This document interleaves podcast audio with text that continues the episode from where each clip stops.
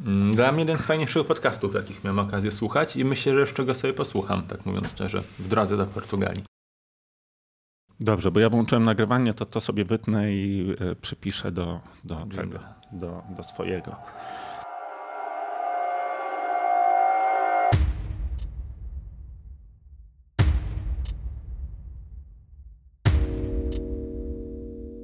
Witamy Was serdecznie. Kolejny odcinek Tripower Podcast. Dziś po raz kolejny Tomek Kowalski.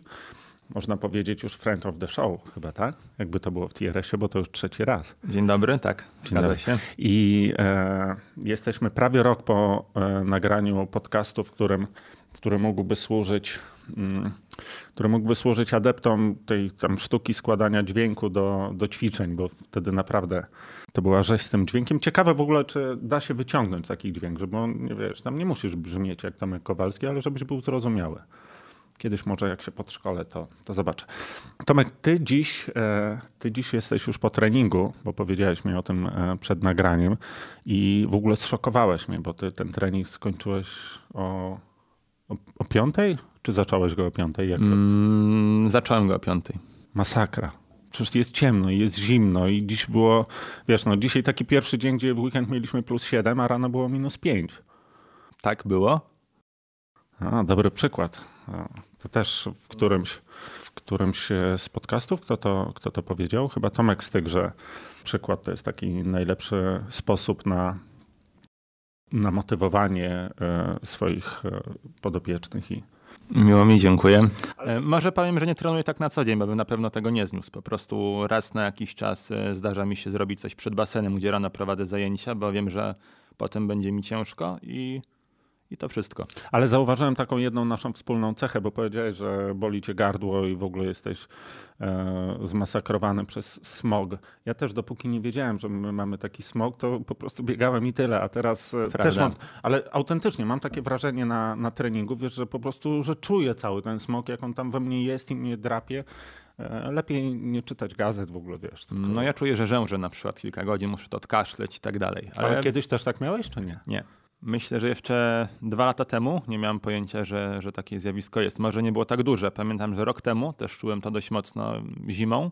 Teraz jest myślę lepiej niż było w zeszłym, zeszłej zimy, ale no, świadomość z kolei rośnie. No, tak. Początek stycznia. Jakie masz e, postanowienia noworoczne? Mm, nie mam żadnych konkretnych. Żadnych? Naprawdę? Żadnych, naprawdę. Hmm, no dobrze. E... A ty? Przepraszam. Wiesz co, ja miałem tam, że nie będę żarł e, krówek i takich tam innych. E, zacznę trochę później. Ale ja bym chciał zrobić życiówkę na każdym dystansie na bieganiu. Na niektórych to będzie trudne, na niektórych nie takie trudne, bo nigdy tak szczególnie na czas tam nie biegałem, więc to by było... Biegłeś piętnastkę kiedyś? E, biegłem. W tym biegu, który będzie za parę dni. Biegłem w te, czyli bieg chomiczówki i tam wtedy pamiętam, że był taki beznadziejny śnieg. E, biegało się w jakiejś brej, było potwornie zimno i samochody jeździły z naprzeciwka i to jest mój ostatni bieg chomiczówki. Brzmi jak każdy bieg chomiczówki. Nie, teraz pogoda może będzie ładniejsza. Zacznijmy sobie od e, takich troszkę mniejszych tematów, zanim przejdziemy do głównego, czyli do, do waszego pierwszego miejsca w rankingu Ironmana w e, drużyn, teamów. Mhm potem to jakoś, tak, jakoś tak. rozróżnisz, prawda? Bo ty to rozróżniasz, e, że to nie jest to samo. Ale zacznijmy sobie od takich drobiazgów, które tam się nam e, przewijały wcześniej. Ty robisz szkolenie z Training Peaksa. Mhm. E, I tak się zastanawiałem, czy Training Peaks jest na tyle skomplikowanym programem, bo robisz to chyba dla trenerów czy dla zawodników. Jak wygląda takie szkolenie? Od razu e, trochę zabiję twoje pytanie, bo tak no naprawdę ci robię... zaspoilerowałem. E, ale nie, wtedy na to nie wpadłem, e, bo tak naprawdę robię mm, szkolenia, warsztaty z treningu kolarskiego w oparciu o moc. Mhm. I Training Peaks jest tam po prostu narzędziem, na którym my pracujemy. Takie warsztaty robiłem i dla trenerów, i dla zawodników, osób po prostu zainteresowanych treningiem, w trochę oczywiście różnych wariantach.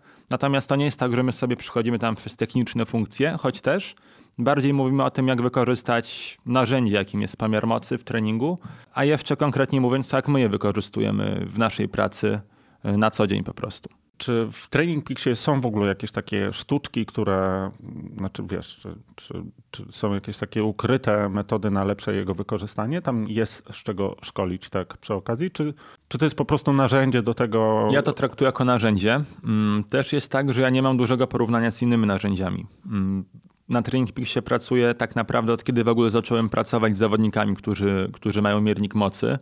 I zdaję sobie sprawę, że są inne rodzaje softu, które są konkurencją, robią podobne rzeczy. E, natomiast ja z nich nigdy nie korzystałem, więc nawet nie mam realnie porównania. Natomiast pytając, czy są tam rzeczy, które się przydają, jak najbardziej. No bo masa, masa pracy w treningu w oparciu o moc polega na analizie i tam po prostu masz masę narzędzi analitycznych.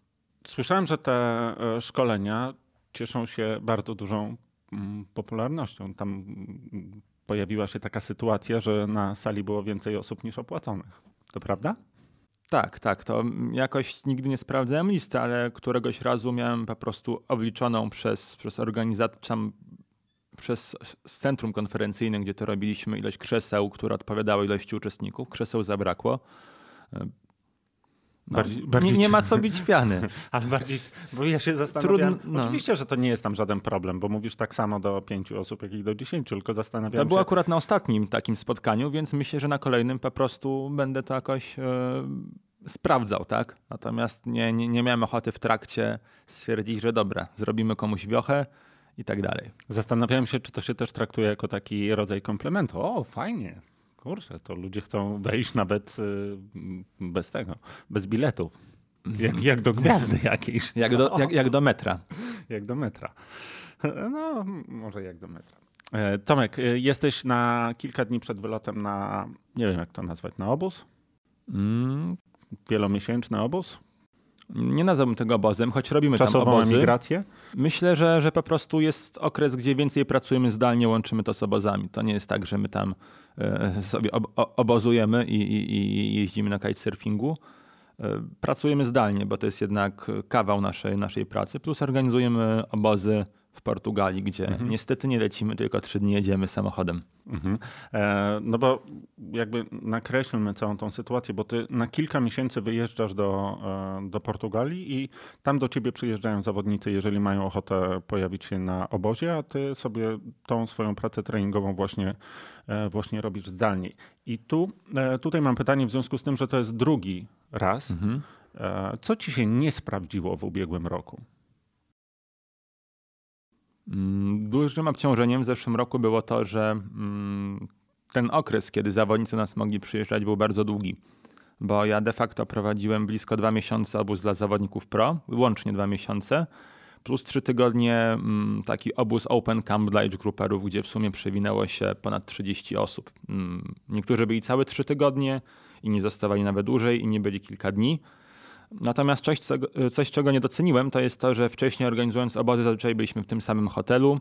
E, było wszędzie bardzo blisko. Tutaj doszły do tego takie życiowe aspekty, bo my tam normalnie nie mieszkamy w hotelu, tylko mamy mieszkanie, musimy robić zakupy. Mhm.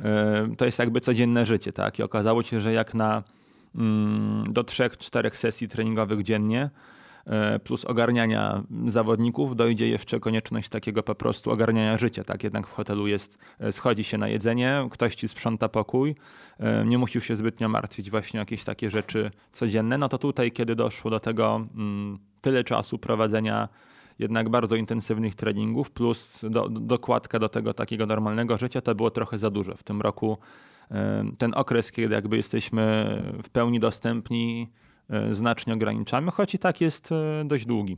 A na jak długo przyjeżdżają zawodnicy?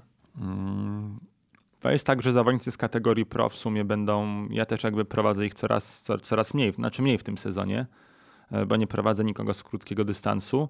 Będą do, do trzech tygodni, a potem będą amatorzy, którzy mają taki blok 16-dniowy i potem jeszcze jeden blok też taki dwa tygodnie prawie, że. Jaki to jest okres? E, przełom lutego marca. Mhm. Jakby wtedy, wtedy zaczynamy. To jest jakby dobry z mojego punktu widzenia termin na obóz klimatyczny. Co się robi przez 16 dni na przełomie lutego i marca na, na ile miesięcy? Trzy miesiące przed docelowymi startami? Mm. Tak mniej więcej. Można, bo... można generalizować. Tak? E, tak naprawdę to jest element większej układanki. Najprościej było powiedzieć, że się mm, albo bardziej odpoczywa, albo bardziej trenuje. Mm, ale gdybyśmy sobie nawet wzięli takiego wyimaginowanego amatora, który przyjeżdża, strzelam, 4,5 tysiąca kilometrów rocznie na rowerze. Niech on to przyjeżdża ze średnią 30 e, na godzinę, to jest ile? 150 godzin, dobrze liczę? Chyba tak. No, za trudne. Dobra, ale wyobraź sobie, że on przez te dwa tygodnie na przykład yy, przejeżdża o 250-300 km więcej niż by przyjechał, tak bardzo, bardzo delikatnie licząc, niż by przyjechał bez obozu. Mhm. No to, to jest 5-6%, tak? Więcej mhm. w skali roku. I to jest dużo. Tak, a ile z tych 5-6% mu zostanie? Czy to nie jest tak, że te efekty takiego uderzenia treningowego z czasem wyparowują do zera? Ten efekt dodany, prawda? Czyli mhm. jak, znaczy... on by, jak on by został w Polsce i nie trenował w ogóle, czy, za, czy w lipcu byliby w tym samym miejscu? On i jego mhm. brat bliźniak, który y, przez 16 dni pojeździł No to jest jakby pytanie, na które nie ma do końca pewnej odpowiedzi. Tak? Nie ma badań, które by to jakoś pokazywały. Natomiast gdybyśmy patrzyli, tu też oczywiście ciężko jakiś jednoznaczny efekt taki przyczynowo-skutkowy, ale zazwyczaj osoby, które jeżdżą na obozy, im częściej jeżdżą, tym szybciej zaczynają trenować e, skuteczniej i w dłuższym terminie wypadają lepiej. To jest oczywiście masa różnych zmiennych, tak? Od e, podłapywania najlepszych praktyk, od bardziej zaawansowanych zawodników, e, przez po prostu naukę wykonywania poprawnie mm, ćwiczeń od takich rzeczy jak rolowanie, praca nad mobilnością, po zwyczajne ćwiczenia techniczne na, e, na pływaniu, tak? przez dobór pozycji na rowerze, e, technikę biegu, formaty treningowe, sposób łączenia różnych sesji treningowych. To jest z jednej strony jest to po prostu praca na obozie, a z drugiej strony jest to masa wiedzy, którą ma się na wynos i która bardzo, bardzo mocno przyspiesza proces uczenia.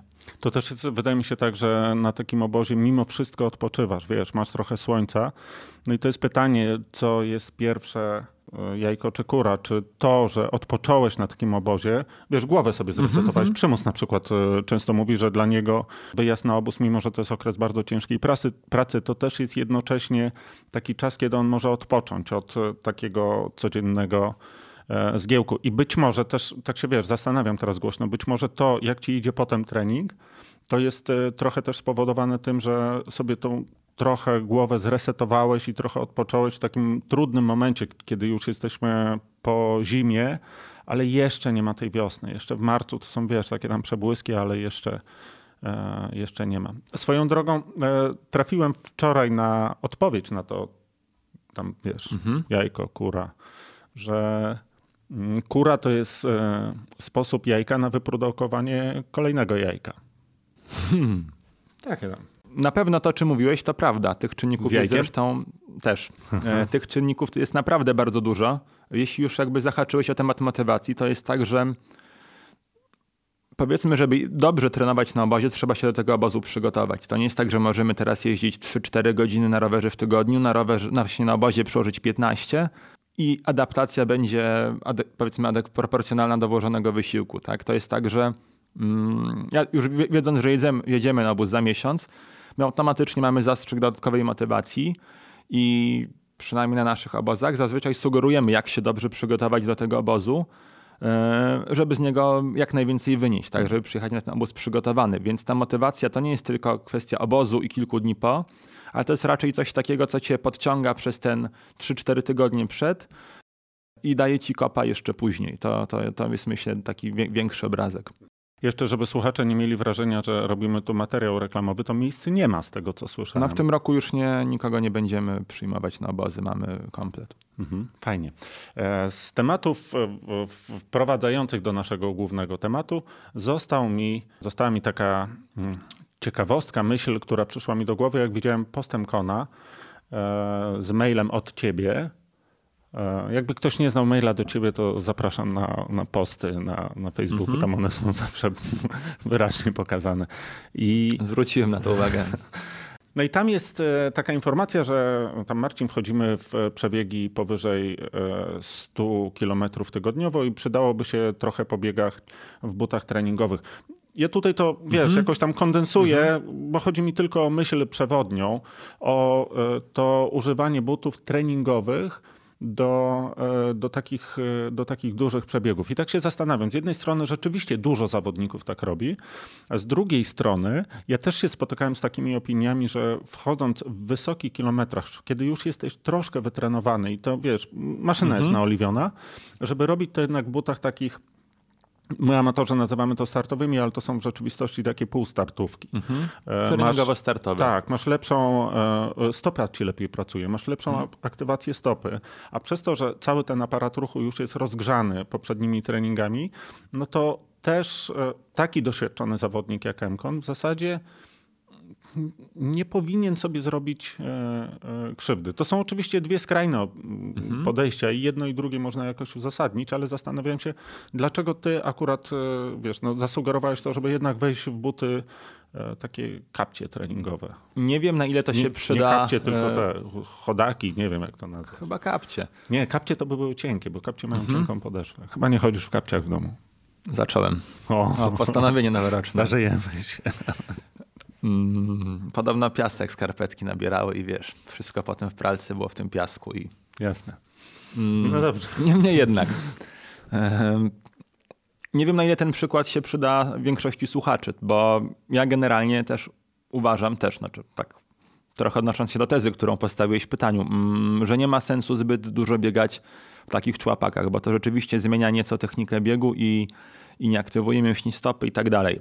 Natomiast e, Marcin teraz będzie biegał chyba najwięcej w życiu, a przynajmniej najwięcej od lat, kiedy e, powiedzmy licealnych.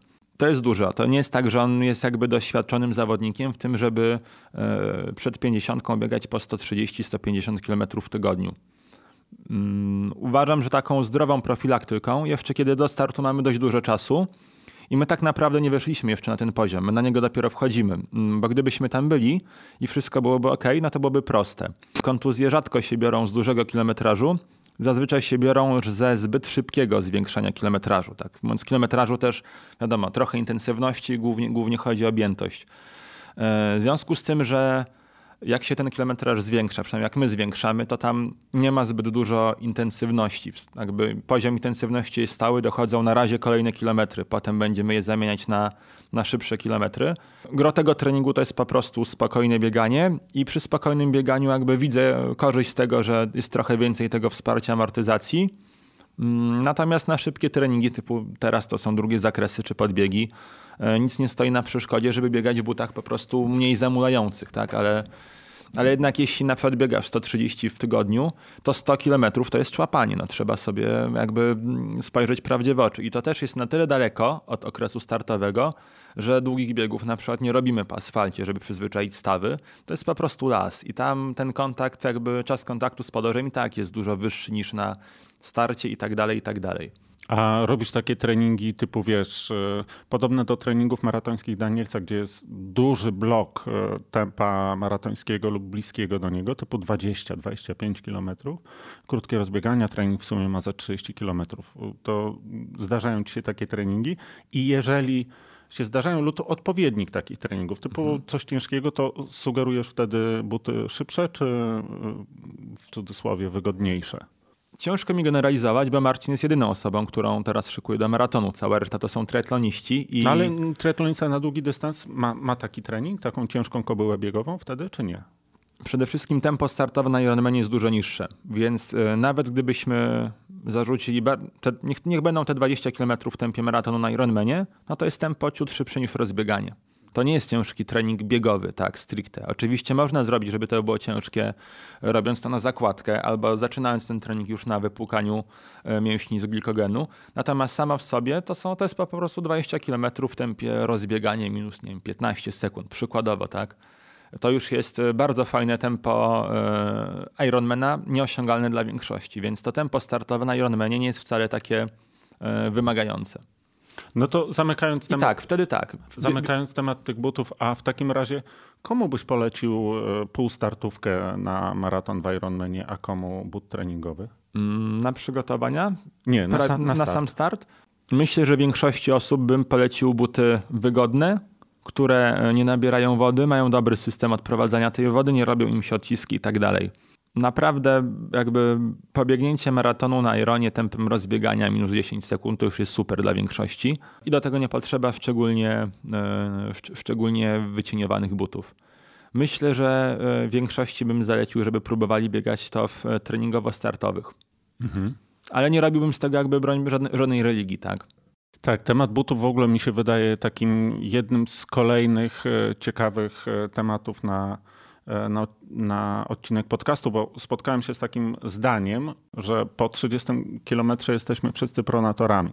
A nie, nie, pamiętam, gdzie ja na to mhm. się ta, natknąłem. W każdym razie treścią tego chyba artykułu było to, że całe te podejście typu neutralny, supinator, pronator, to tak naprawdę nie ma aż takiego e, nie ma aż takiego wielkiego znaczenia i te sztuczne ustawianie butów nie, wbrew pozorom, nie przekłada się E, na, na nasze bieganie. To może być trochę tak jak z tym mhm. smogiem, o którym mówiliśmy. Odkąd wiemy, że jest smog, to drapie nas w gardle. Znaczy prawda? też go nie było tak dużo kilka lat temu, to też jest inna sprawa. E, no tak, tak, ale teraz mhm. ja, ja go czuję. Ja naprawdę, wiesz, nie, ja go widzę. Ale ja też. Swoją drogą, wiesz to rozmawiałem ze swoim e, kolegą, który jest pilotem i on mówi, że ten smog, kiedy oni nadlatują nad miasta, to widzą, że to jest po prostu mhm. takie, takie coś żółtego i jest to z nieba widoczne czyli coś w tym musi być. Dobra, Tomek, przechodzimy do esencji. Jak sobie włączyłem jako ściągawkę artykuł na Akademii Triatlonu i on się rozpoczyna tak, że polski klub triatlonowy Trinergy Team został najlepszą na świecie drużyną w rankingu Ironman Tri Club dywizji piątej. O co chodzi? Mm, Ironman od bodajże dwóch lat prowadzi ranking klubów w pięciu dywizjach uzależnionych od e, wielkości klubu. Zawodnicy zbierają punkty na połówkach i licencjonowanych pełnych dystansach. Te punkty są zliczane i na koniec roku, e, na koniec roku pojawia się tego typu ranking, który można, można wcześniej też śledzić, bo, bo ja raz na jakiś czas tam zaglądam. Od kiedy go śledzisz? Ten ranking był już w ubiegłym roku? Był już w ubiegłym roku. E, ja pamiętam, że my się tam jako klub zarejestrowaliśmy, ale mówiąc prost, nie do końca się wczytałem w zasady i zarejestrowałem nas w za wysokiej dywizji. To jest tak, że w to pierwszym roku. przyjaciele, tak? Tak. W pierwszym roku e, samemu się wybiera dywizję, potem ciebie przyporządkowują na podstawie ilości startujących w poprzednim roku, czyli ilości zarejestrowanych osób w poprzednim roku. E, my jesteśmy w dywizji piątej, czy to są najmniejsze kluby. To znaczy, że u nas startowało, czy tam było zarejestrowanych poniżej 25 osób we wszystkich zawodach Ironmana łącznie w poprzednim sezonie to mnie zastanowiło, bo w tej piątej dywizji jest 15 polskich klubów mhm. i jak sobie patrzyłem na nazwy tych klubów, no to wiesz, no niektóre są kilka razy większe niż 25 osób. E, to mhm. jak one się tam znalazły? Widocznie ci ludzie nie startują na zawodach licencjonowanych Ironmana. liczą lub, się tylko zarejestrowani, tak? Tak, tak lub nie wybierają klubu przy starcie, tak? Bo to ja do końca nie wiem, jak to działa technologicznie, ale no zawodnik wybiera klub. My w którymś momencie, jak zobaczyliśmy, że jesteśmy w tym rankingu dość wysoko, to poprosiliśmy wszystkich zawodników, żeby e, jeśli można, zarejestrowali się, wybrali klub Trinergy, żeby, żeby zbierać te punkty. Mhm. Zdobyliście 284 tysiące punktów. Druga polska drużyna zdobyła 58 tysięcy. Masakra, co? Mm, tak, to znaczy gołym okiem widać, że to jest duża różnica, natomiast ja też bym do tego się jakby, nie wyciągałbym z tego zbyt daleko idących wniosków. Mhm. Nie, ale wiesz, bo kojarzą mi się też zawodnicy z innych drużyn, którzy byli dość wysoko, bo przypuszczam, że ranking jest tak skonstruowany, że najwięcej punktów, zresztą tam w artykule są opisane zasady tego, że najwięcej punktów nabija taka czołówka grup wiekowych, prawda? I w mm. tych e, innych klubach też są zawodnicy, którzy byli w czołówkach grup wiekowych, a mimo to, no wiesz, no to jest kurczę, pięciokrotna różnica. Od drugiego, a ja już nie mówię o klubach, do których macie... Liczy się też częstość startów. Aha. Mm, to jest tak, że jeśli ktoś startuje często, nawet jakby zajmując dalsze miejsca, to zazwyczaj zdobywa więcej punktów niż ktoś, kto startuje yy, na przykład rasa porządnie, tak? Mhm. E, nawet biorąc na tapetę Marcina Koniecznego, który no miał super wynik na Hawajach, ale on startował, e, jeśli dobrze mówię, dwa razy w zawodach licencjonowanych. To była Gdynia i Hawaje. E, dwa razy wygrał, a myślę, że gdybyśmy zrobili listę najbardziej punktujących zawodników u nas, to byłby w drugiej połowie. Bo realnie taki wynik, jaki on zrobił, czyli to nie wchodząc zbytnio w szczegóły 8 tysięcy punktów, to są e, dla wielu osób, które są, nie są w czołówce age grupy, to są trzy połówki. Mhm. Już to przebijają. Miałem kolejne pytanie do ciebie o to, czy e, zawodnicy wiedzieli, ale już troszkę mi na nie odpowiedziałeś, bo wydaje się, że od pewnego momentu w sezonie zawodnicy w drużynie czy w klubie już wiedzieli o mm. tym, że jest to jakoś zbierane, prawda? Tak. Bo chyba, chyba jeszcze wtedy. Nie, nie sądzę, żeby to wpłynęło na czyjeś decyzje startowe, ale mhm. po prostu mam nadzieję, że, że, że dopilnowali zakreślenia tej po prostu przynależności klubowej. Natomiast nie jest tak, że to był jakiś nasz cel na ten sezon. E, w podobnym okresie, rok, rok temu, w jakim jesteśmy dzisiaj, w styczniu, lutym czy, czy marcu, jakby zupełnie na to nie patrzyliśmy. W związku z tym, że jakby też żadnych planów startowych e, pod kątem rankingu nie, nikt nie robił. To też jest tak, że no my nie jesteśmy teamem zawodowym, tak? Nie ma u nas czegoś tak jak team order, że zachęcamy kogoś do startu, bo gdzieś jest klasyfikacja generalna. E, to jest raczej tak, że u nas ludzie mają swoje indywidualne cele raz na jakiś czas pewnie wychodzi z tego coś fajnego drużynowo, ale to jest tak, że każdy tu przychodzi z, jakby z innym pomysłem na siebie, z inną ścieżką, e, chce gdzie indziej startować, ma inne cele. I, I, nie sprowadzamy tego nigdy do wspólnego mianownika. Mhm. A mówiąc o klubie zawodowym, Olga nie punktuje. Nie, zawodnicy z kategorii pro nie, zdobywają punktów. Temat Team Spirit, czy e, takie rankingi w tym, w tym pomagają? One go tworzą? Czy czy wy w ogóle tworzycie taki e, klimat e, w drużynie? Wiesz, ja byłem kiedyś, mhm. ja, ja, biegałem kiedyś e, w takiej drużynie mm, Ale Tempo i tam ten klimat taki drużyny on był y, grubo przed wynikiem. Mimo, że tam mhm. jak się, to, to było ładnych parę lat temu, mimo, że jak się startowało w jakichś zawodach, to, to jakoś się tam dbało o to, żeby ta drużyna była w miarę wysoko, ale tam to było raczej na zasadzie takiej spotkania się gdzieś tam na kawce czy piwku wieczorami i pogadania, a trochę mniej, trochę mniej takiego sportowego, sportowej otoczki do tego. A jak ty sobie tym zarządzasz w drużynie? Najbardziej szczera odpowiedź e, jest taka, że my tym nie zarządzamy.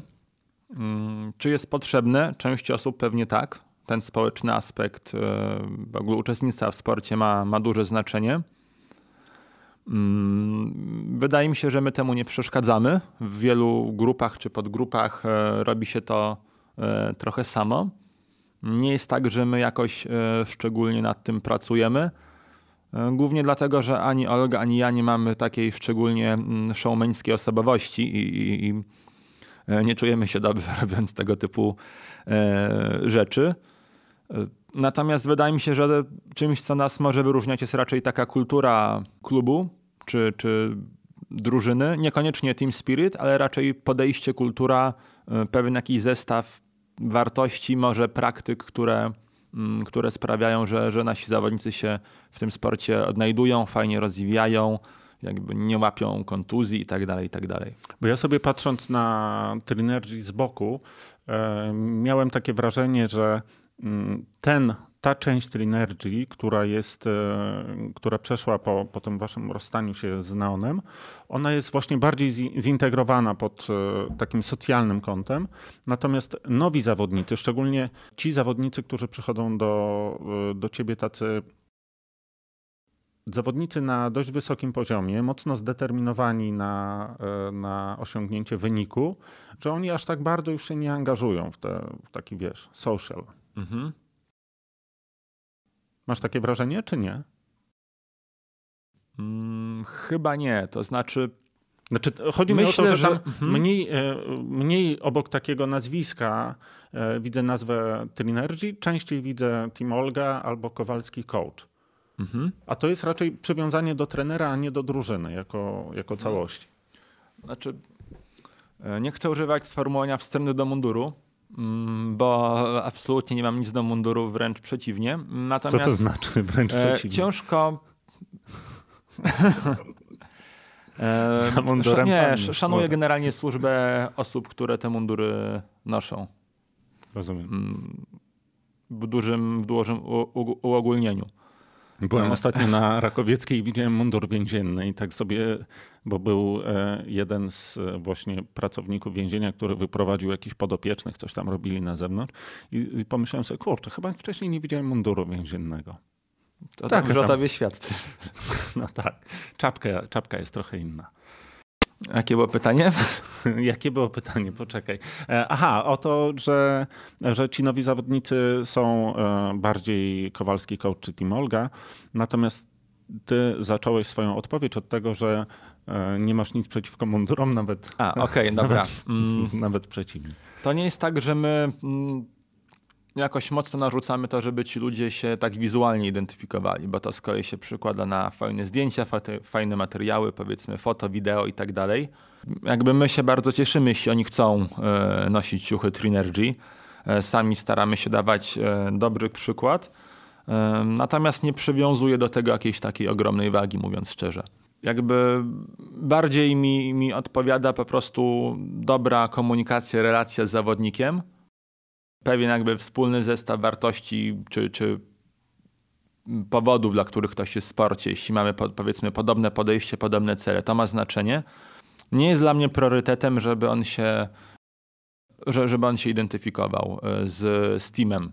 Jest to oczywiście bardzo fajne, e, ale nigdy nie miałem dobrego pomysłu na to, żeby to w jakikolwiek sposób e, usprawniać czy, czy, czy wymuszać. No bo to jakby w mojej ocenie to jest trochę właśnie takie przymuszanie do, e, do munduru. A nie przyszło ci do głowy po, e, po tym pierwszym miejscu, żeby zacząć to jakoś wykorzystywać? Ja myślę, że obydwaj mamy dość podobne podejście do tego. Znaczy, ja się zgodzę, że to jest sukces, no bo tych drużyn było naprawdę bardzo dużo, natomiast no to jest jakaś taka, wiesz, taka kokardka w, w stylu Ironmana, prawda? Mhm. Te, te wszystkie różne nagrody, dyplomy, tam certyfikaty i tak dalej. Natomiast nie jest to esencją samego procesu treningu. E, no ale wiesz, kiedy wygrywasz, no to może się zmienić trochę światopogląd i może zacząć to używać, może zacząć używać trochę takiego marketingowego bla bla bla, bo to jednak... Znaczy, e, ja bym chciał, żeby każdy, kto jest trener, czuł się częścią tego sukcesu, mhm. E, żeby czuł, że jest dla niego jakby w teamie miejsce.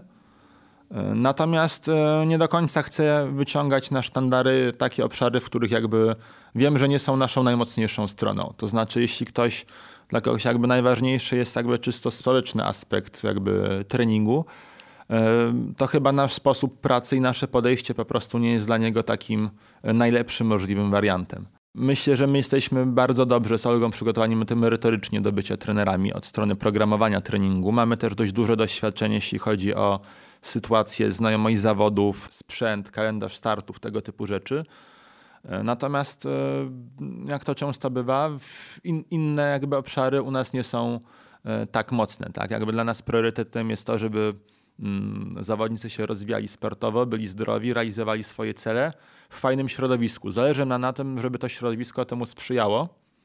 Mm, natomiast jakby nie wychodzimy od takiej bardziej rekreacyjnej strony sportowej. Słuchałeś podcastu Armstronga z Dave'em Scottem? Nie.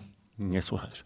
Dogadalibyście się, bo tam Dave Scott, chyba Dave Scott, który z nich w każdym razie, a w każdym razie zgadzali się ze sobą, mówili o tym, że w tej chwili w sporcie bardzo dużo jest takiego trenowania dla, oni to określają ribon, czyli mm, tasiemka, tak? Ale tu chyba mhm. chodzi o taką, taką rozetę, którą mi się to mhm. kojarzy z taką rozetą, z tasiemką, to raczej mi się kojarzy, mhm. wiesz, koniem się to na głowę zakłada po, okay, po wyścigach, dobra. ale wiesz, chodzi mhm. o, o różnego rodzaju rodzaju takie mhm. medale, ozdobniki, pierwsze miejsca w rankingach i tak dalej. Natomiast e, tam, tam się to mówiło o dzieciach, ale to bardzo często, trening dzieci wydaje mi się, że bardzo często y, ma dużo podobieństw z e, treningiem amatorów, że za mało jest takiego zacięcia się dla, dla samego wysiłku, dla samego takiego procesu doskonalenia się, a za dużo zwraca się uwagę na, na różnego rodzaju takie nagrody, więc y, coś y, Wydaje mi się bardzo też, podobnego do tego, co ty e, mówisz. Że jedno nie, nie wyklucza drugiego, bo to ja nie, nie, jest tak, mhm. że ci ludzie, którzy trenują zaangażowanie, mają smutne miny, chodzą potem mhm. E, cały czas nosem przy ziemi i, i, nie, ma, e, nie ma po prostu dobrze, dobrze spędzonego czasu, frajdy, zabawy i tak dalej na treningach. Raczej ciężko, znaczy to jest tak, że my staramy się robić, jakby gdybyśmy wyszli od tego, jak doszło do tego, że, że zajęliśmy numer jeden w tym rankingu, E, drużynowym, tak, jakby, czy tam klubowym. Mm, staraliśmy się po prostu robić swoją pracę dobrze, tak, na co dzień. E, indywidualną pracę z zawodnikami, bo my jako trenerzy pracujemy z zawodnikami indywidualnie. Mm, jasne, że to wymaga czasem szufladkowania, podziału, nie wiem, na grupy na obozie czy, czy na treningach e, grupowych, ale mm, to jest trochę efekt uboczny takiej, wydaje mi się, codziennej, systematycznej, dobrej jakościowo pracy. I to się zupełnie nie kłóci z tym, żeby ta praca przebiegała w fajnej atmosferze. I uważam, że ta atmosfera ma znaczenie. Natomiast jakby my nie zaczynamy od, od tej strony atmosfery. Tak jak mówiłem, no my nie mamy jakiejś takiej osobowości showmenów i, i robienie jakichś, wiesz, dużych, spektakularnych eventów czy, czy tego typu rzeczy nie jest tak zwyczajnie w naszym, w naszym stylu. Nie czulibyśmy się w tym dobrze. Natomiast jeśli chodzi o taką kulturę organizacji, powiedzmy, to wydaje mi się, że nawet osoby, które mm, dopiero co weszły do tego środowiska, dość szybko mogą właśnie zobaczyć, co stoi za tym sukcesem. To mhm. znaczy, e, jakie podejście do treningów, e, taka higiena i fizyczna, i psychiczna, około treningowa, pewien taki mm, styl pracy, niekoniecznie ponad siłę, ale po prostu takiej uczciwej, solidnej pracy, bez przeżywania każdego małego potknięcia i tak dalej. Dużo cierpliwości, przede wszystkim fajnie jest być w środowisku, jeśli widzisz, nawet się do niego wchodzi, że te metody, e, praca z tą osobą, z którą ty pracujesz, po prostu działa, tak? Że to czasem zajmuje mniej, więcej czasu, ale jakby widzisz, że jesteś w dobrych rękach i takie zaufanie do trenera, do, do procesu, to jest bardzo dużo. A czy manipuluje się zawodnikami w ten sposób, że widzisz na przykład, że jeden zawodnik napędza się e, drugim zawodnikiem. Tam są takie przykłady, chociaż to akurat są z dwóch różnych e, drużyn, ci, ci, których, e, ci których mam na myśli. I E, czy to się robi, czy zarządzasz sobie jakoś wtedy tym, e, tym zawodnikiem na zasadzie takiej, że w cudzysłowie podpuszczasz go pod e, drugiego zawodnika, albo właśnie tonujesz, żeby nie patrzył na to, co wiesz, nie, nie siedział na Facebooku, żeby sprawdzić, co tamten zrobił w weekend? Zdecydowanie to drugie. Mhm. To jest tak, że mm, powiedziałbym, że mamy pewnie z jedną dziesiątą zawodników, którzy, którzy jakby nie podłapali tej kultury, e, którą jakby my staramy się promować, tak, tego podejścia. E, a na pewno to podejście, żeby po prostu robić swoje najlepiej jak się potrafi, być trochę wchodząc w taką coachingową e, nowomowę, żeby być po prostu lepszym niż się było wczoraj, skupić się na procesie i po prostu robić swoje dobrze, tak? Że to jest jakby klucz. Jeśli do tego się dołoży cierpliwość, i nie robienie głupot, to, to efekty mogą być naprawdę spektakularne, ale e, to nie znaczy, że każdy, każdemu będzie to służyć. Tak? Natomiast mm, taka rywalizacja z kimś, wyobrażam sobie, że to mm, czasem może mieć plusy, ale myślę, że minusy te plusy jednak y, przesłaniają. Pojawiły się słowa sukces, cierpliwość. Do 2017 to na pewno rok sukcesu, prawda? Bo sporo zawodników na Hawajach i taka ja sobie tak z boku widzę, to taka e, łatka trenera, który wysyła ludzi na Hawaje i oni tam osiągają w ogóle świetne, e, świetne rezultaty. To się bierze trochę z tego, że też pojawia się u ciebie e, sporo zawodników, którzy taki potencjał mają, daje się go wykorzystać, to akurat jest już Twoją rolą i są do tego mocno zmotywowani. To też się wiąże bardzo często z dość, e, z dość ciężkim treningiem. Wydaje mi się, że nawet w niektórych przypadkach to ta napinka jest rzeczywiście bardzo duża. No i pojawia się problem, że mm, ci zawodnicy mogą za jakiś czas, za 2-3 lata, e, po prostu odpadać. Czasami od, taki zawodnik odpada, bo mówi sobie, E, mówi sobie dość. Ja na przykład co roku mówię sobie, że biegam ostatni maraton na czas, prawda? Mhm. E, a czasami odpada z jakąś e, frustracją, że, że mu się tam nie udało. Czasem to też się objawia tak, że to zmarnowany kawałek życia i tak dalej.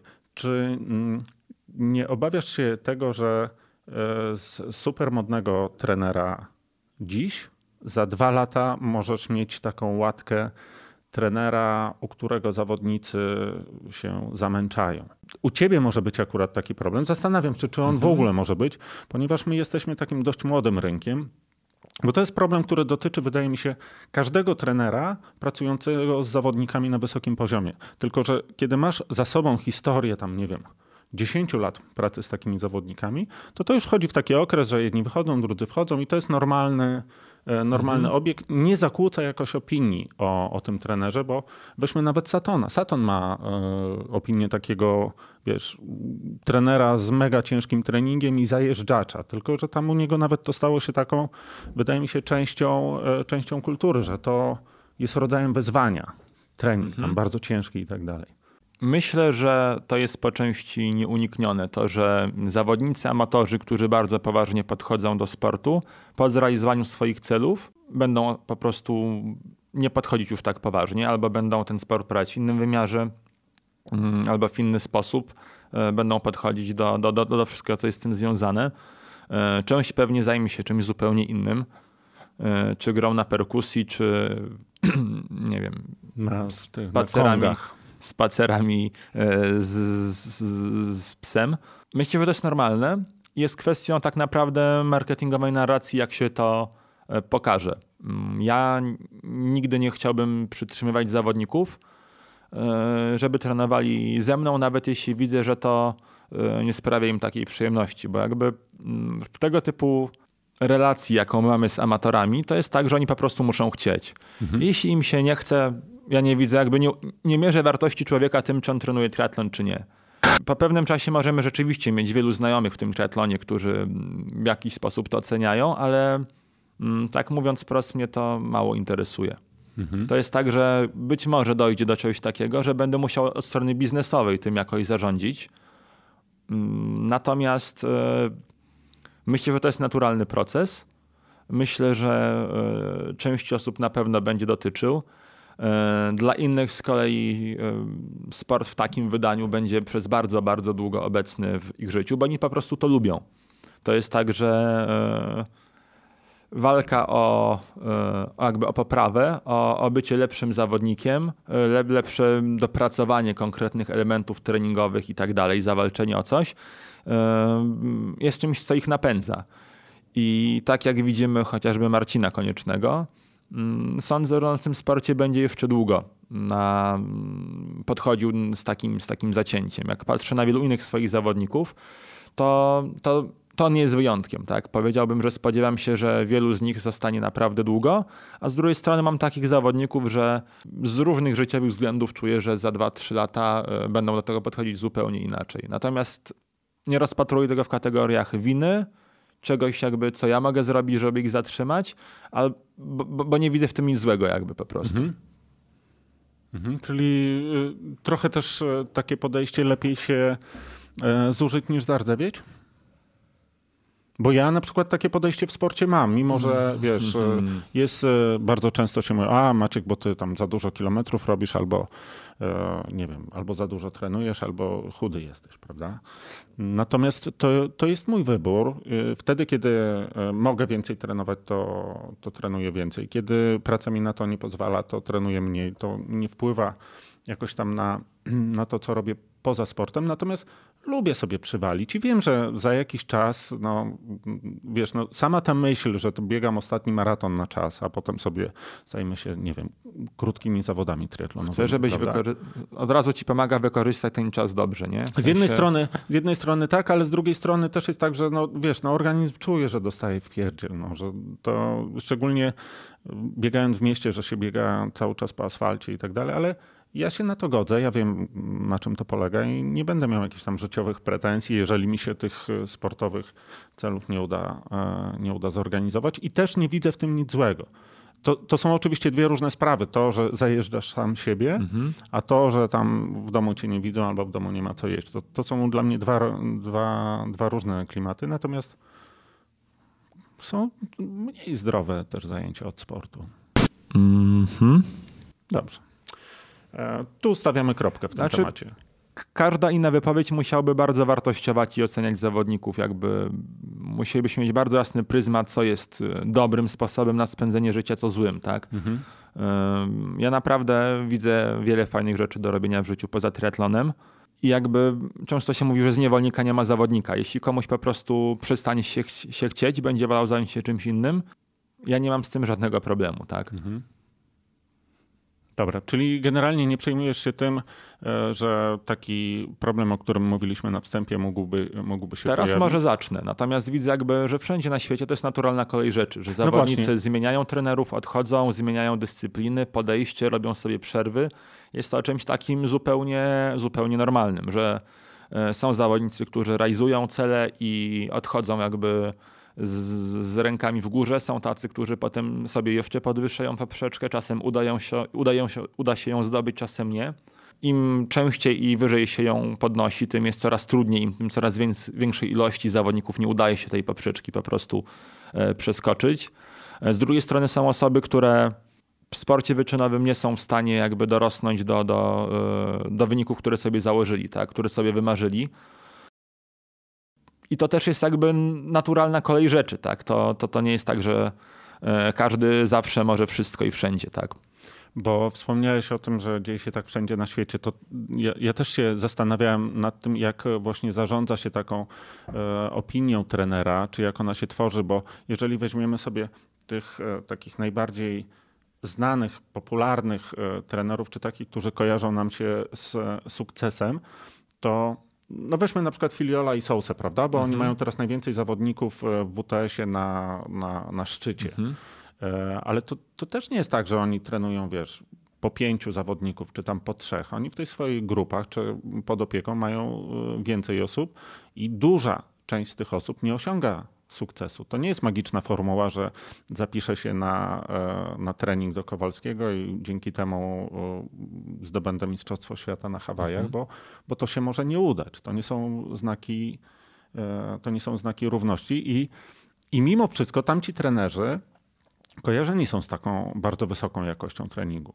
Mamy, mamy Satona, o którym e, tu, tu go kolejny raz mieliśmy mówić o Jobsie, prawda? Bo tam, hmm. Steve no, Jobs, tak, Steve Jobs, tak, Steve Jobs. Nawiązywaliśmy do podcastu, którego wspólnie razem słuchaliśmy, a my, e, my tutaj często wspominamy też e, Satona, ale Saton ma takich zawodników, którzy oni nieszczególnie dobrze się wyrażają, znaczy nieszczególnie dobrze wspominają okres, który, który tam trenowali, że, że są przetrenowani.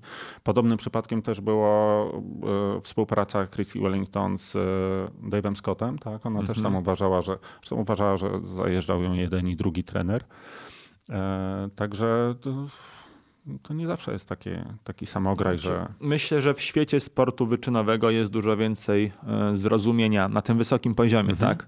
E, że to jest po prostu wpisane w, w proces, tak? Że myślę, że każdy z tych trenerów ma większą ilość zawodników, którzy nie osiągają tych najwyższych celów, mimo że je sobie stawiają, natomiast e, każdy sobie zdaje sprawę, że jedyny sposób, żeby się jakby dowiedzieć, na co mnie stać, to po prostu spróbować. I mhm. oni próbują. I myślę, że, że to jest coś niezbędnego, żeby w ogóle jakby jeśli ktoś naprawdę chce być najlepszy, no po prostu musi spróbować. I z tych osób, które próbują, tak naprawdę to, to, to z nich potem będzie czołówka. Mm. Natomiast jeśli chodzi o osoby, które E, bardziej patrzą na to, jak trudne to jest lub jak małe są szanse, oni, z nich nigdy nie będzie powiedzmy zawodników na najwyższym poziomie. To jest tak, że mm, większość tych zawodników, którzy są w grupach, które wymieniłeś, naprawdę mm, stawia bardzo dużo na jedną kartę, mając świadomość, że to nie jest jakby najmocniejsza karta, tak? że to jest po prostu e, proces jakiejś podróży, odkrywania samego siebie i mierząc takimi najpopularniejszymi powiedzmy mm, sposobami oceny e, typu kasa, prestiż, e, jakość życia, e, te nagrody nie są tam zbyt duże. Tak? To, o to będzie ciężko, a mimo to w to wchodzą. Jeśli ktoś kalkuluje bardzo na zimno lub próbuje, ale okazuje się, że jednak ta woda jest za zimna i w niej zbyt dużo nie wytrzyma, no to po prostu z takich zawodników nie ma nigdy mistrzów. Tak? A przekładając to na amatorów, co uważasz za sukces dla amatora, który chce dokonać czegoś na e, dystansie Ironman? Znaczy, to jest kilka bardzo odmiennych płaszczyzn. Tak? Dla niektórych to jest po prostu sposób. Nie, sukces, sukces, sukces. Tak, ale Taki... dla każdego sukcesem jest coś innego. Nie, Jeśli ktoś. To, to co. To nie, to w przypadku amatorów bym tak nie, nie wartościował, bo dla mnie. To... E, dla mnie większą wartością już nie wiem, złamanie 9 godzin jest to, że ktoś zapisał się, przez to potrenował rok, złapał bakcję do zdrowego stylu życia, zmienił życie swoje, swoich dzieci, pokazał, wiesz, rodzinie, że można coś robić inaczej i tak dalej. Tak? W takim razie zadam pytanie inaczej. Co jest e, topowym wynikiem sportowym dla amatora, który chce startować na Ironmanie? Mm, to też trzeba by podzielić na kategorie wiekowe, tak? Bo jeśli mamy Marka Musiała, u którego... W kategorii wiekowej. Złam, to, czy to jest... Okolice 13 godzin oznaczają tytuł Mistrza Świata. Ale to jest powiedzmy pierwsza trójka na Hawajach, to jest topowy wynik, czy pierwsza szóstka, czy pierwsza dziesiątka, czy mistrz świata? Znaczy ja bardziej patrzę na poziom sportowy, bo mm, nie każdy z tych zawodników będzie miał możliwości czasowe, logistyczne, żeby zrobić to akurat na Hawajach. Mhm. Bo e, zadam ci od razu drugie mhm. pytanie, pod które próbuję cię podprowadzić, ale wijesz mi się jak węgorz. E, bo drugie pytanie jest takie, e, ilu osobom się to uda? Bo kiedyś Andrzej Skorykow mówił, że na przykład w pływaniu e, jeden, jedna na 30 tysięcy trenujących osób osiąga sukces, taki mhm. mierzony sportowo, e, znany w branży. Czyli to mhm. jest taki sukces, którym ja lub ty mogliśmy w ogóle nie usłyszeć. I też zastanawiam się, stąd było takie moje właśnie to podprowadzające pytanie o sukces z, wśród amatorów i, i też ilu z nich może się to udać, takich dążących do tego. Mhm. Czy to jest, czy to się no, daje najpierw, zrobić? Najpierw właśnie trzeba ustalić, co to jest ten sukces, tak? No powiedzmy ta pierwsza trójka na Hawajach. Czy to się daje zrobić? W sensie, wiesz, ugniatać tą mąkę tyle, aż się ugniecie? Czy czasem się nie da po prostu? Znaczy nie u każdego się da oczywiście. To jest powiedzmy wynik na poziomie pierwszej trójki na Hawajach wymaga już predyspozycji. To nie jest, o ile uważam, że o kwalifikację może walczyć e, każdy, i... Mm, to takie jedno z tych zdań, które, na które się sporo osób oburzy, bo ono jest bardzo podobne do tego, że każdy może złamać trójkę w maratonie. Ja się na przykład zgadzam z tym, że każdy może to zrobić. Ja nie mówię, że to będzie łatwe, tak? Czy tak. jednocześnie będzie można spędzać, nie wiem, 50 godzin w tygodniu w pracy, wyjeżdżać na weekendy na narty i tak dalej, tak? To trochę jest to mieć ciastko albo zjeść ciastko. Natomiast jest to dla większości osiągalne. Może nie dla każdego, każdego, ale dla większości kwalifikacja na Hawaii jest czymś, co w ciągu kilku lat jest w stanie wydłubać po prostu. Wiesz, ile serc teraz urosło? Wiesz, to łatwo się, yy, łatwo się rozmarzyć, tak? Natomiast za tym, wiesz, jakby głowę można mieć w chmurach, ale nogi trzeba mieć na ziemi i, i nimi po prostu ciężko pracować. Natomiast jeśli chodzi o pierwszą trójkę, to wymaga predyspozycji wyjątkowych. Myślę, że jest też duża różnica między pierwszą dziesiątką a pierwszą trójką. Mm, jak nie wiem, 3 lata temu byłem na Hawajach z Michałem Podsiadłowskim i Olgą, to obydwoje zrobili wynik na poziomie pierwszej dziesiątki. Olga w nią weszła. E, Michał był bodajże 14, natomiast dostał e, karę na 179 km na rowerze. E, gdyby nie, no to, to, to by wszedł, tak? I to są wyniki, które uważam są w zasięgu naprawdę wielu osób. Natomiast pierwsza trójka, czyli walka podium, to już jest naprawdę duża, du, duża różnica między czołową dziesiątką a czołową trójką. Duże wyzwanie. Myślę też, że mamy Polaków, którzy są w stanie to zrobić w najbliższych latach. Tak jakby mówiąc zupełnie szczerze. Mhm. No, jak sobie patrzę, na przykład e, patrzyłem sobie na wyniki w Barcelonie e, na, na Ironie w tym roku i na przykład moją uwagę zwróciło, jak dużo tam Belgów było. Nie wiem, czy ty to widziałeś. W tych, e, tym topie w tym topie w kategoriach wiekowych było strasznie dużo Belgów, strasznie dużo mm, zawodników z takich y, małych y, krajów liczonych y, ludnością, prawda?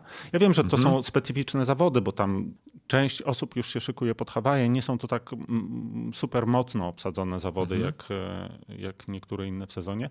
No ale to też, wiesz, no, nas jest prawie 40 milionów, a a jeszcze tam mamy ludzi do dogonienia. Znajomy, który był u mnie dziś e, opowiadał mi też, że takim krajem, gdzie e, mnóstwo ludzi trenuje triatlon, jakieś takie, wiesz, nieprawdopodobnie wysokie liczby, jest Austria, której jeszcze nie widać tak bardzo na, e, na tym rynku i amatorskim, i, i zawodniczym, ale myślę, że to się jakoś tam przełoży. Tomek, Spójrz, ile startów ma Austria u siebie, tak? Ma Ceramze, mieli Mistrzostwa Świata tak, w Ceramze, tak, od razu jest St. Pölten, jest Klagenfurt. Belgowie mieli z kolei Frederika van Lierde, Luka van Lierde, mistrzów świata na Hawajach.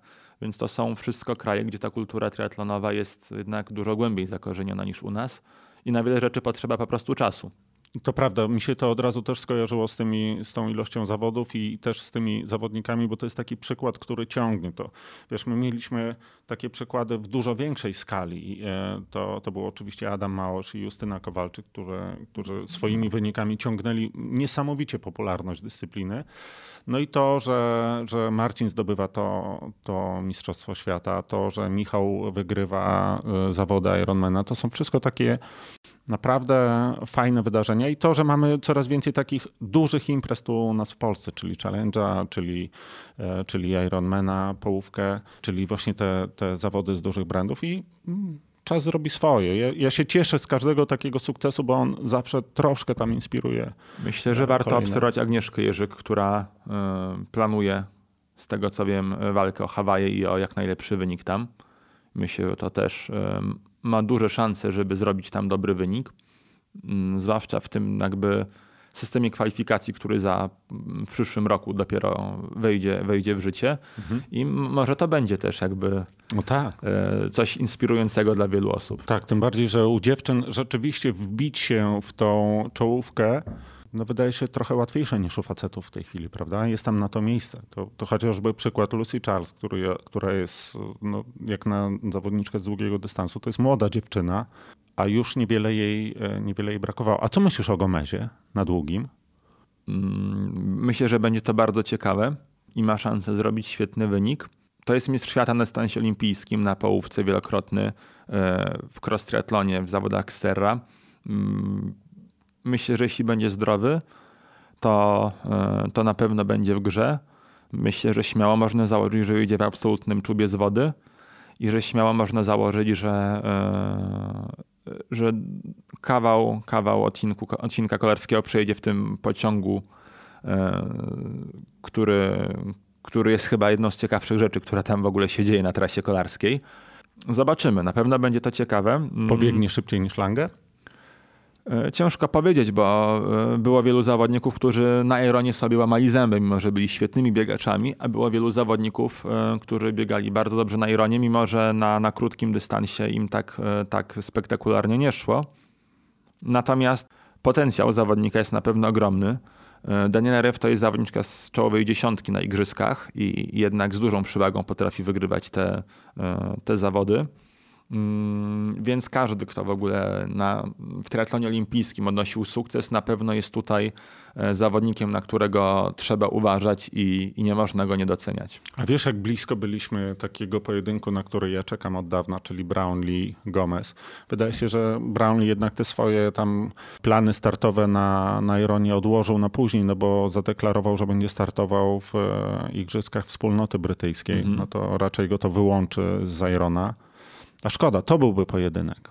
Myślę, że jakby długofalowo lepszym zawodnikiem na Ironie ma szansę być Gomez. Jednak e, ilość kontuzji, e, jakie, jakie bracia Browni po prostu muszą pokonywać, e, jest, jest bardzo duża. A czy on się po raz kolejny zoperował teraz? Z drugiej strony trening na długim dystansie jest mniej eksploatujący pod kątem właśnie takich przeciążeń typu ścięgna Achillesa i tak dalej, jest dużo mniej dynamiczny, więc być może taki trening okazałby się dla zawodników, którzy i tak już dużo trenują, kiedy by się odjęło te takie super eksplozywne formy, e, bardzo bezpieczne. Tego znowu nie wiemy, tak? Ale, e, ale myślę, że jakby long game raczej, raczej Javier Gomez. Ale nie zdziwiłbym się, gdyby to był ktoś z zupełnie drugiego szeregu. Tak? W zawodach bez draftingu, z tego co pamiętam, ostatnio Gomez wygrał z Brownlee. To jeszcze było Hy-Vee. Ono było co prawda na dystansie olimpijskim. E, ale też tam Gomez pojechał to po prostu o wiele lepiej wtedy. Tak, ale to wtedy to byli bracia Browni, którzy wygrywali wszystko biegiem. Teraz potrafią odjechać peletonowi w Itu na minutę, tak, na 30 mhm. kilometrach. Na trudnej technicznie trasie. Nie tylko, no bo Edmonton nie jest na przykład trudną technicznie trasą. Sztokholm tak, Leeds tak, ale, ale nie tylko. Tak. A w Edmonton obydwaj? Odskoczyli? Właśnie chyba obydwaj odjechali na ponad minutę. Mhm bo w Edmonton powtórzyli tą sztuczkę, tylko za drugim razem to było młodszy z Wargą i z jeszcze jednym zawodnikiem chyba. Natomiast jest na pewno wielu zawodników na dystansie olimpijskim, którzy, którym brakuje te pół minuty wodzie, co na długim dystansie będzie bez znaczenia, a mają monstrualne silniki rower plus, plus bieg, więc myślę, że jeśli, znaczy cały czas jest dużo więcej pieniędzy w sporcie olimpijskim. Mm, jeśli dobrze działa federacja, to są niewyobrażalne wsparcie dla tych zawodników. Mhm. E, ciężko opuścić ciepły e, dołek i iść na długi dystans, jeśli tu masz tak naprawdę e, wszystko, o czym zawodnik może marzyć, tak? Tak, i, i środki treningowe, wszystko. A powiedz mi, a ty się wybierasz na Hawaje? Masz takie marzenie? Chyba każdy triatlonista ma takie marzenie. Znaczy ja w ogóle nie znoszę treningów i zawodów upale. To jest coś, z czym nigdy nie mogłem sobie poradzić, dlatego do Hawajów zupełnie mnie nie ciągnie. Ale tak, żeby wystartować? Nie tam, żeby osiągnąć. Bo to jest, wiesz, to jest jakieś... Powiem ci tak, jak z e, Olgą biegłem w Energy Lab, 6-kilometrowe rozbieganie, 3 kilometrami z powrotem, to nie dałem rady, aby będąc jakby w dobrej dyspozycji dobiec do samochodu z powrotem. Mnie upał totalnie rozkłada. Oznacza to, że jakby w polskim latem ja trenuję, jeśli trenuję, to rano i wieczorem. E, dla mnie wizja e, przemieszczania się w hawajskim upale na, na, przez tyle godzin E, nie jest czymś ani trochę zachęcającym. Taki, taki charakter południowca, co? Że tam w ciągu dnia to raczej siesta i odpoczynek. Mm, natomiast w tym roku pomyślałem sobie, że gdyby pięć osób się zakwalifikowało, czyli wszyscy, jakby, którzy realnie w mojej ocenie mieli szansę, to, to bym pojechał. Nie wiem, czy w przyszłym roku będę, znaczy, czy w tym roku będę podobne jakby sobie założenia w głowie konstruował. Na razie, na razie nie. Wiesz, to wyszedł taki bardzo optymistyczny odcinek e, dzięki jednemu zdaniu, że każdy może awansować na Hawaje, bo ja sobie. Większość. No. Czyli każdy rozumie, że chodzi o tak, niego. Tak, e, bo chodzi o to, że tych, e, tych slotów jest coraz mniej. Ja w pewnym momencie tak sobie ostatnio pomyślałem, że kurde, to już się staje tak trudne z tą rosnącą liczbą zawodów i tą nie rosnącą liczbą dostępnych miejsc na Hawajach, chociaż mam wrażenie, że zrobi się niedługo podział na kobiety i mężczyźni, że to się staje już za trudne, że to staje się tak trudne, że aż zniechęcające, a tu proszę bardzo, da się. Dzięki. Aż, dziękuję również. Chyba nie chodzisz w kapciach w domu. Jakie było pytanie? Chyba nie chodzisz w kapciach w domu. Zacząłem. Kasa, prestiż, y, jakość życia. Kontuzje rzadko się biorą z dużego kilometrażu. Zazwyczaj się biorą już ze zbyt szybkiego zwiększania kilometrażu. To, to, to nie jest tak, że każdy zawsze może wszystko i wszędzie, tak? Jedyny sposób, żeby się jakby dowiedzieć, na co mnie stać, to po prostu spróbować.